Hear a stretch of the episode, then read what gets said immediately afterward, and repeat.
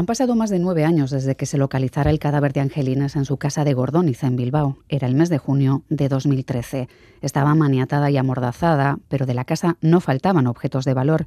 ¿Qué es lo que pasó? Nadie en el bloque oyó ruidos. Se analizaron las cámaras de la zona y se cotejó el ADN de una lata encontrada en la casa que acabó Lourdes Soria, haciendo que saltaran alertas por coincidencia en otros países de Europa. Primero se sospechó sí de un robo, después de hasta un posible espionaje industrial, pero lo cierto es que el crimen de Angelines sigue siendo un misterio nueve años después. Sin móvil aparente y sin posibles autor autores del asesinato, el caso se archivó de manera provisional en el juzgado.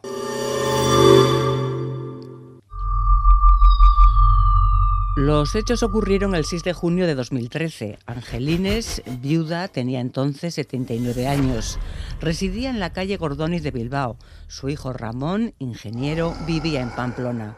Aquel día, a media mañana, madre e hijo hablaban por teléfono cuando sonó el timbre del portero automático del portal de Angelines y ambos se despidieron. Cuando Ramón volvió a llamar a Angelines varias veces ese día, ella no contestó.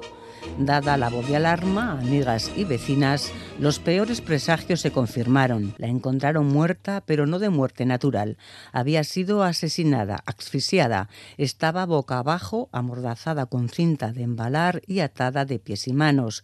La puerta del piso no estaba forzada. La sala y el dormitorio revueltos. En un primer momento se sospechó de un robo, pero resulta que las joyas y dinero de la cartera de Angelines seguían en su sitio. Nadie se las había llevado y estaban en lugares visibles. El móvil de espionaje industrial, el hijo es ingeniero industrial, también se descartó. La archancha encontró, eso sí, una muestra de ADN en una lata de Coca-Cola en la bolsa de basura de la vivienda y en la mordaza de la víctima. Y lo más sorprendente, ese rastro genético coincidía con el localizado en tres escenarios bien distintos. Un coche utilizado para el robo de una joyería en Suiza, atribuido a la temida banda de las Panteras Rosas, una vivienda alemana donde se perpetró un robo con violencia y en el caso de una violación en Francia pero pese a las pesquisas policiales fue imposible identificar a la persona a la que pertenece este perfil genético y el crimen de Gordoniz es por ahora un caso sin resolver. Soy Miriam Duque, la encargada de abriros esta Gambara Negra, un podcast de crónica negra en el que hacemos que ciencia, especialistas y pruebas abren más que nosotros para recomponer la actualidad y tratar de entender la mente de quienes se escoran al lado oscuro. La primera hipótesis fue la del robo, pero había cosas que no encajaban para el equipo que se encargó de realizar la investigación sobre el terreno. Saludamos a Iñaki Rusta, ha sido durante décadas jefe de la Policía Científica de la Archancha. Iñaki, ¿qué tal? ¿Cómo estás? Muy bien. No sé si recuerdas cómo se encontraba el piso, si participaste en aquella investigación. Lo que es en la inspección ocular eh, como tal, no. El equipo sí fue el de Policía Científica, así como responsable de ese equipo, al lugar de cuando fueron al lugar de los hechos, pues comentaron eh, cómo estaba una anciana, que en principio no se observaba la puerta que había ningún eh, indicio de, forzamiento. Parecía que había abierto a alguien, ¿no? No estaba forzado el pues domicilio. Pudiera ser pues, eh, algún conocido o, bueno, pues en principio algo en que conoce la, señora, ¿no? Era una persona que estaba boca abajo, maniatada, de pies y manos y, y amordazada, ¿no? Y una persona pues de avanzada edad que es lo que se observaba. ¿Encajaba lo que se veía allí con un intento de robo, que en principio parecía la primera hipótesis?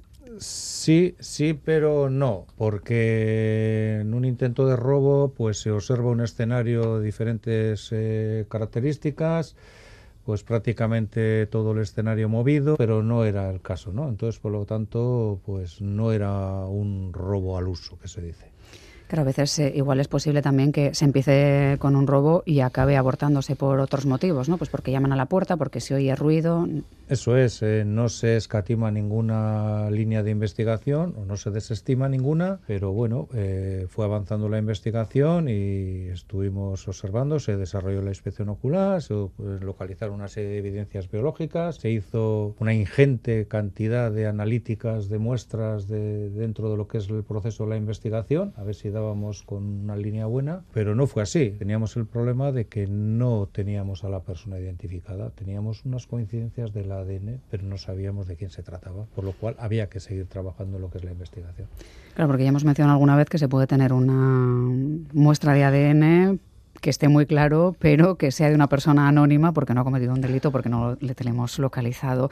Y esto abría la puerta bueno, pues a tratar de identificar a los asaltantes. Saludamos también a Marian Martínez de Bancorboyas, catedrática de Biología Celular de la UPV y directora del Banco de ADN. Hola Marian, bienvenida. ¿Cómo estás? Muy bien, gracias. Y nos acompaña también Javier Bordegaray, que es miembro de la inteligencia forense de la Archancha. Javier, ¿qué tal? Muy bueno. Bueno, tenemos varias cuestiones por delante. Hay un momento en el que en esa investigación aparece una lata con ADN. ¿Qué, qué tipo de ADN se puede encontrar en, en una lata de este tipo? Pues en general en las latas, al usarlas para beber, pues queda ADN o bien de la boca por contacto o bien de saliva, que es, si la lata ha sido utilizada exclusivamente por una persona, pues da un perfil limpio correspondiente a una única persona. O sea que podemos encontrar también, pues entiendo, pues grasa de nuestras manos.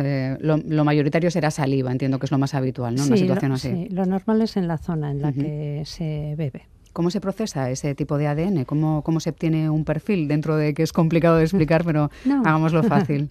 no, normalmente el procedimiento es siempre el mismo. Se utiliza un, un hisopo que es como un bastoncillo, que está estéril, lógicamente, para que no haya ADN de otras personas. Eh, suele utilizarse un poquito humedecido y se frota la superficie donde se espera que haya algún resto biológico. Y entonces a partir de ahí, pues ya se empieza luego el proceso de extracción.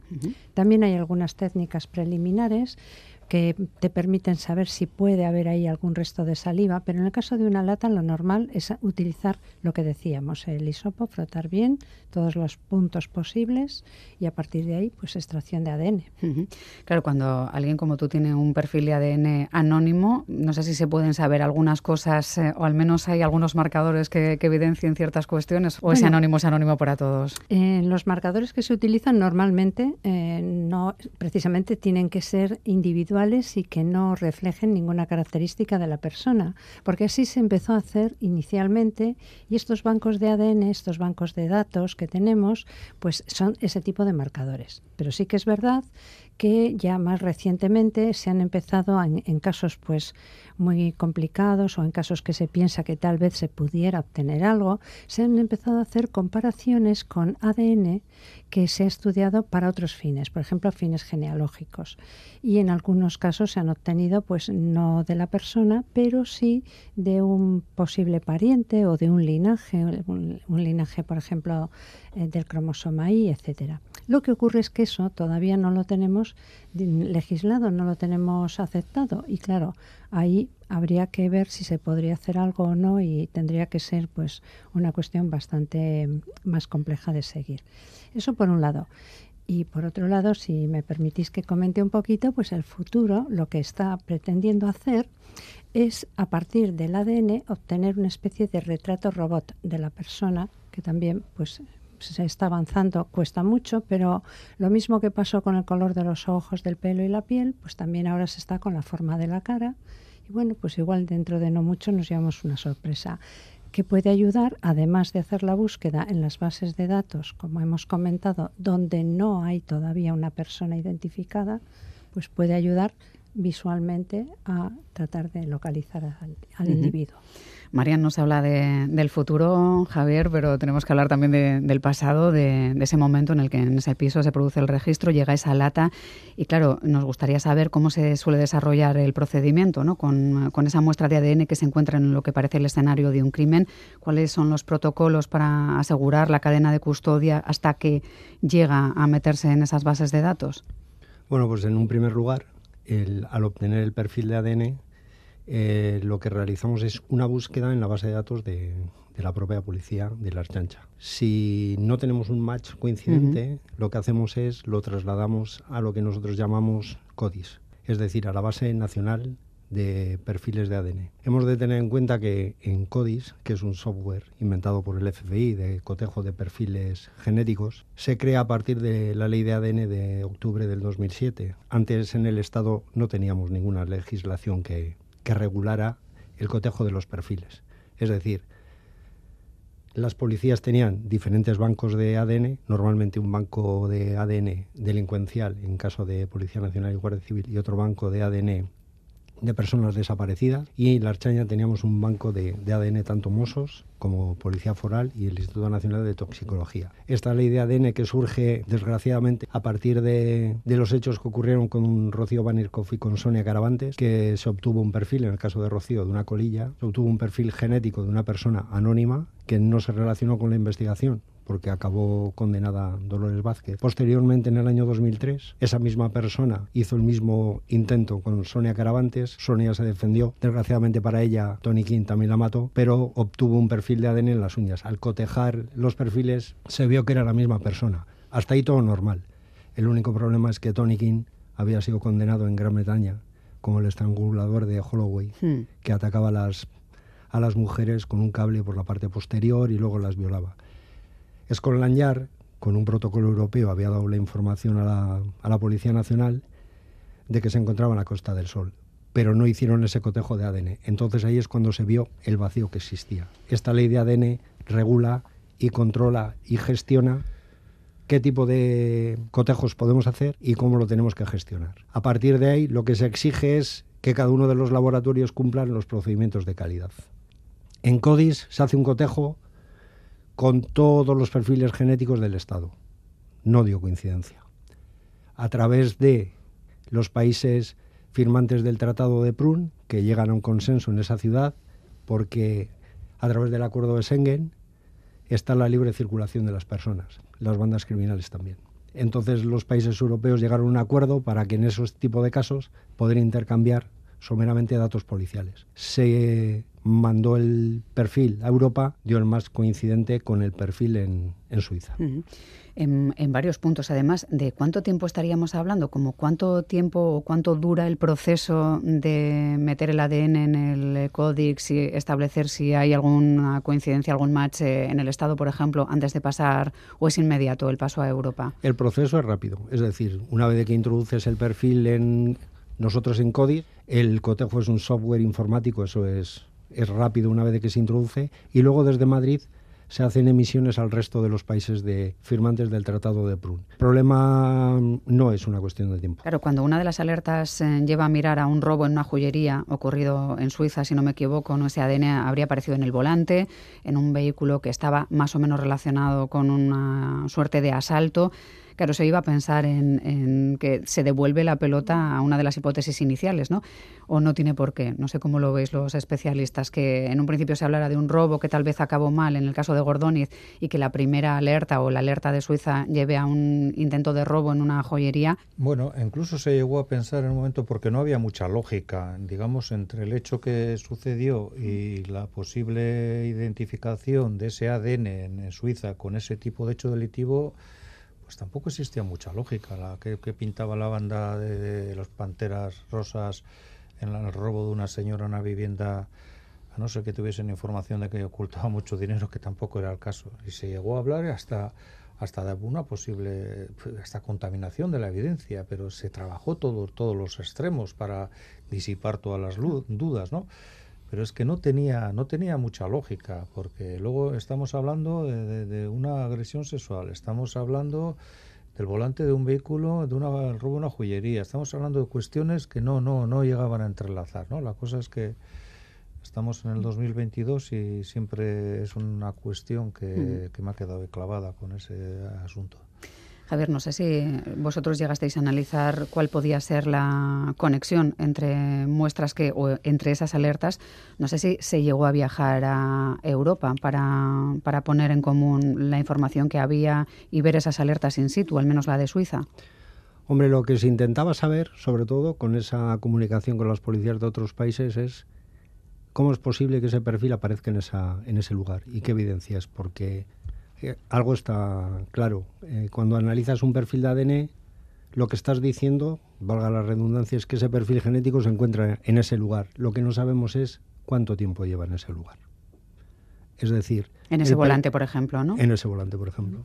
No lo sabemos. O quién ha tocado, o, o quién ha tocado, quién ha agarrado el volante, porque es verdad, y está claro que, como ha explicado Iñaki, el modus operandi de las panteras rosas no es ni de lejos entrar en un piso de una señora mayor. Un domicilio particular de una mujer mayor, vulnerable, donde no se presupone que vaya a merecer la pena por la cantidad de joyas, por ejemplo. No, Miriam es de sobra conocido, los Pink Panther derivan de, de los Balcanes, son organizaciones paramilitares, es más un, una marca delincuencial de gente que se dedica a hacer atracos en muy poco tiempo en joyerías con un alto valor. Utilizan armas automáticas, no reparan en los métodos agresivos y no casa en el método normal que entren en un domicilio de, de Bilbao. Claro, tenemos eh, diferentes muestras eh, o, de, o, alertas al menos, ¿no? En Suiza ese ADN en un volante, en Alemania un, bueno, pues un, ADN pero que también estaría mezclado con otras cuestiones, en Francia en un caso de, de, violación que tampoco tenemos claro si era un ADN directo en la víctima o en el entorno que, que pudiera ser. No sé, Marian, si como explicaba Javier, a veces hay que pensar si ese volante es una, tiene una relación directa con, con ambos casos o a lo mejor ese vehículo se usó en otra ocasión y permanece el ADN. No, sé si podemos explicar los ADN de transferencia, incluso la contaminación, los ADN de fondo. ¿no? De la misma manera que la lata, puede ser que la dejase otra persona allí Claro, eso, eso es lo que el ADN no nos dice todavía. La transferencia eh, funciona, funciona.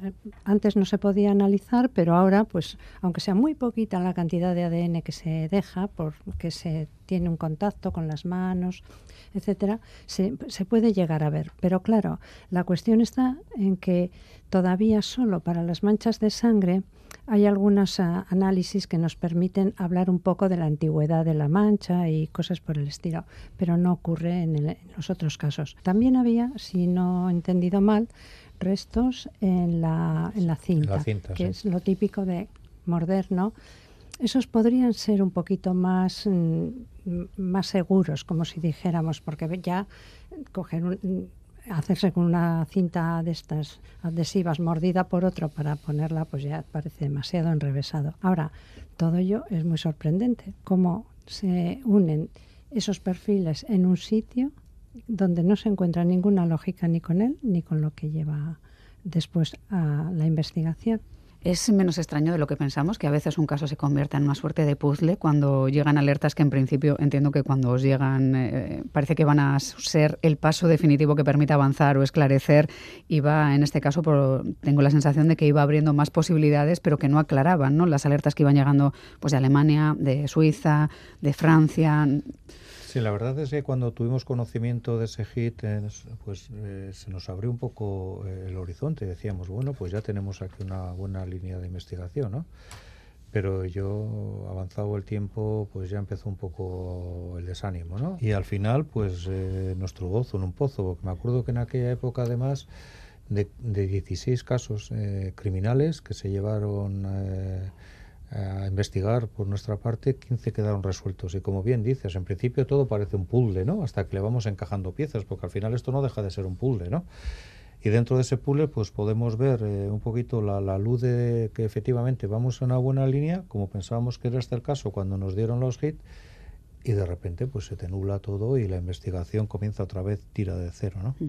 Iñaki, entiendo que se habló con los vecinos eh, de Gordoniz por si hubieran oído una discusión o gritos o voces. A veces se puede oír otro idioma que nos dé la pista de, a lo mejor por dónde podemos ir, aunque entiendo que es complicado. Ah. Al menos si hubo una discusión, porque sí que entiendo que se buscarían las cámaras de seguridad, que no sé cómo cuántas posibilidades hay en un entorno de, de tener cámaras. Dentro del proceso de la investigación, uno de ellos es hablar con todos los vecinos, revisar las cámaras, los teléfonos y si mal no recuerdo, hasta el hijo en un momento inicial eh, se le estuvo tomando declaración de muchas de las cuestiones porque no tienes que descartar absolutamente nada. Y se hicieron, pues no lo sé, pero un ingente muestras de analíticas mm. que llegó un momento que hubo que decir basta porque la cosa no avanzaba.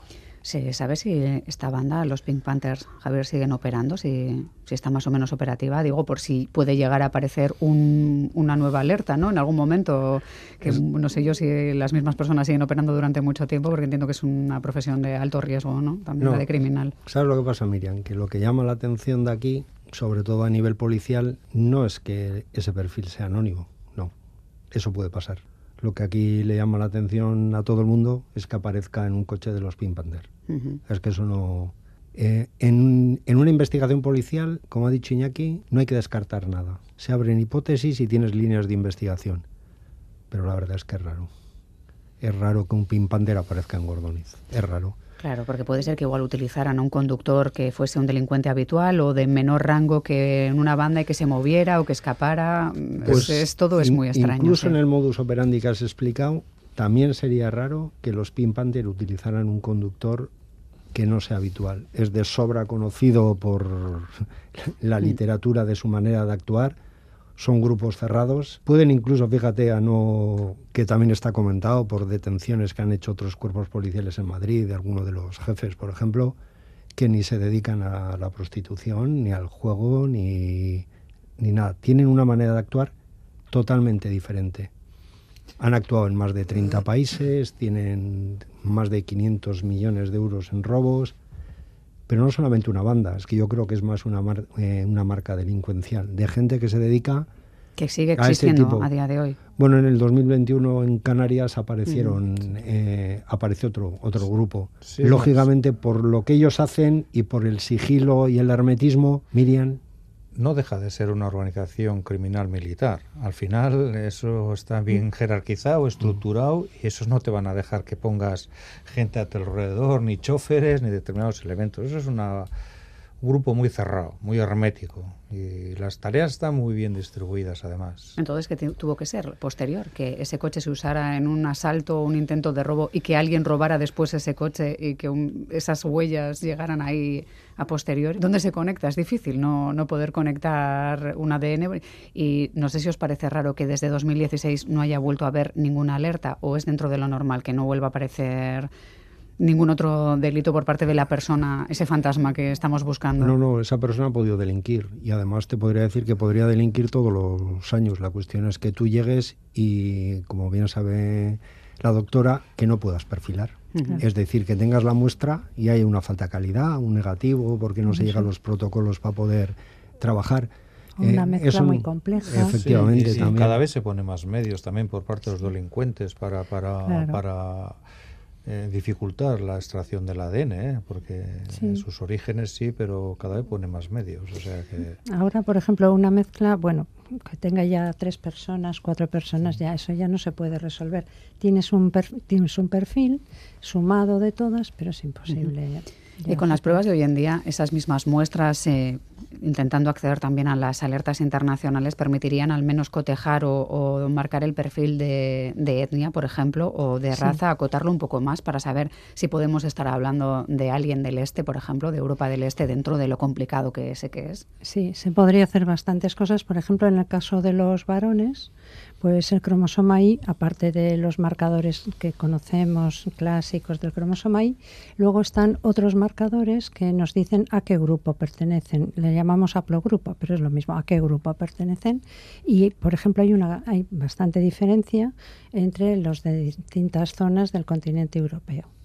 E incluso si fuéramos más allá, existen formas de llegar a precisar la región geográfica de forma mucho más precisa. Pero es cierto que ahí ya también es complicado hacerlo porque ya implicarían laboratorios no acreditados, laboratorios de investigación y entonces eso igual a la hora de utilizarlo dentro de una prueba judicial podría ser muy complicado.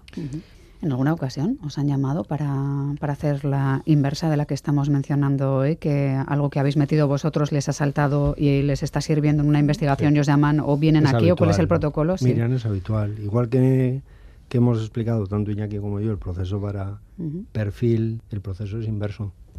Perfil, por ejemplo, francés, perfil alemán, perfil belga, se introduce y se coteja. Se avisa a Codis Madrid y Codis Madrid dice, tenéis una coincidencia con la Archaña. Entonces, el cuerpo policial correspondiente solicita la información a la Archaña de esa coincidencia. Y en función del el tipo que pueda ser, pueda ser lo que nosotros llamamos un perfil dubitado, es decir, que no sabemos de quién es, pues le podemos dar la información del tipo de robo, porque se busca eso, no, solo la coincidencia del ADN, ¿no? sino que, que, coincida un poco la tipología del delito, entiendo, ¿no? para, tratar de ubicarlo. Miriam, sobre todo lo que buscamos es que el perfil que nos dé la coincidencia sea, sea indubitado, para que eh, podamos eh, aclarar y poder eh, eh, resolver el hecho delictivo. Cuando eso no se da, cuando no tienes un nombre, lo que le pides es todo lo que vaya alrededor de esa investigación por si tú con esos datos puedes resolver el que tiene el que tienes aquí. Pero la apertura y el tratado de Prun y la apertura de fronteras y la colaboración policial lleva eso, a que podamos intercambiar datos, sobre todo para lo que hemos hablado alguna vez, para que la sociedad viva más tranquila y en este caso lo que corresponde a la Archaña, hmm. para que la sociedad vasca viva con paz y con tranquilidad, que es lo que queremos. Claro. Eso es, y se resuelvan crímenes que son dolorosos, la falta de información para las familias, quedan muy pocos en ese limbo, mm. entiendo, un porcentaje muy bajo, pero bueno, eh, al que le toca pues lo sufre y es, complicado. Yo sé que las hipótesis pues, probablemente o, los móviles que a veces nos dicen que los periodistas buscamos mucho el móvil y que quizás los jueces no les interese tanto, pero claro, las hipótesis entiendo que ayudan a estructurar o a, tratar de dar coherencia o narrativa a una historia para intentar entenderla. Cuando se hablaba del supuesto robo como posible hipótesis de entrada. Se habló muy brevemente de un posible espionaje industrial, pero fue descartado. Ahí, ah, no sé si hay más móviles que se puedan haber barajado en la investigación. Se intentaron introducir diferentes vías para tratar de buscar, que a veces cuando pasa el tiempo se busca otra perspectiva, ¿no? Tratar de ver, los datos desde otro punto de vista, a ver si así... Hasta, hasta lo que es la línea de investigación más ilógica que pudiera parecer y que dice, ¿y por qué vamos a trabajar esto? ¿no? Hasta eso se llegó a trabajar y eh, intentar buscar alguna conexión. No sé si se puede llegar a elucubrar. ¿Tenéis alguna hipótesis de lo que creéis que, puede hacer encajar las piezas, Javier? Mm, en este caso de Gordoniz, de qué pudo pasar para encajarla imposible, ¿no? Demasiado complicado. No, porque a día de hoy eh, es difícil que digamos nada hmm. cuando el caso está abierto y cuando no podemos explicar eh, qué es lo que pasó en el, en el piso. Lo único que podemos decir y, es que alguien entró mató a Angelines y dejó a esa familia con un dolor inmenso y que nosotros haremos todo lo posible, la archaña, con lo que esté en nuestra mano, que no se nos va a olvidar nunca, que vamos a seguir trabajando para poder eh, identificar a él, los autores de, ese hecho. No me atrevo a decir nada, Miriam, no hemos resuelto, no puedo decir nada. Todo lo demás sería intentar eh, justificar algo que todo el mundo me diría, pero ¿qué estás diciendo, Javi, si no habéis resuelto? Y tienen razón. pero es verdad que, que un caso no esté resuelto no quiere decir que esté cerrado, como dices, y hay que recordar que, eso significa que no se descansa y que tal vez en algún momento aparezca el hilo del que tirar, ya sea porque avanza mucho el ADN, como mencionábamos, o porque aparece una pista que en algún momento lleve a dar con, con el asesino. o, comete un error el, individuo, pudiera ser que, como ha comentado antes Javi, pues eh, estuviese cometiendo todos los días, o pudiera ser también que incluso hubiese fallecido y, ya se nos acabaron las posibles pistas que pudiéramos tener o que avance que avance también el ADN. O sea que mantenemos la esperanza de que aparezca la pista definitiva y se pueda retomar la investigación porque como decimos esa caja sigue todavía Yo Miriam, lo que sí que puedo decir y no va a sonar a palabra grandilocuente y demás, y Iñaki lo sabe, que la Archanía no va a olvidar y que vamos a trabajar día a día y seguiremos en ello trabajando toda la gente relacionada con la investigación para poder resolver este y algún que otro homicidio sin resolver que desgraciadamente tenemos. Muy pocos. Mm. La verdad es que el ratio de resolución es tremendamente exitoso para la Archaña, pero lógicamente no es el 100%. Y vamos a intentar, y nuestro trabajo diario es que sea el 100%, sí pues esperamos que la ciencia avance, que aparezca ese hilo y que, no decaigan las familias, ¿eh? que hay pocas, pero bueno, que se seguirán esos casos. Javier Bordegaray, miembro de la inteligencia forense de la Archancha, muchísimas gracias como siempre. También a María Martínez de Pancorbo, catedrática de Biología Celular de la UPV, directora del Banco de ADN. Gracias como siempre por ayudarnos a entender las partes más pequeñitas y más complicadas de, la ciencia. ¿eh? Muchas gracias, Miriam. Y Iñaki Irusta, ex jefe de la Policía Científica de la Archancha, es que recasco, ¿eh? como siempre, un abrazo y gracias.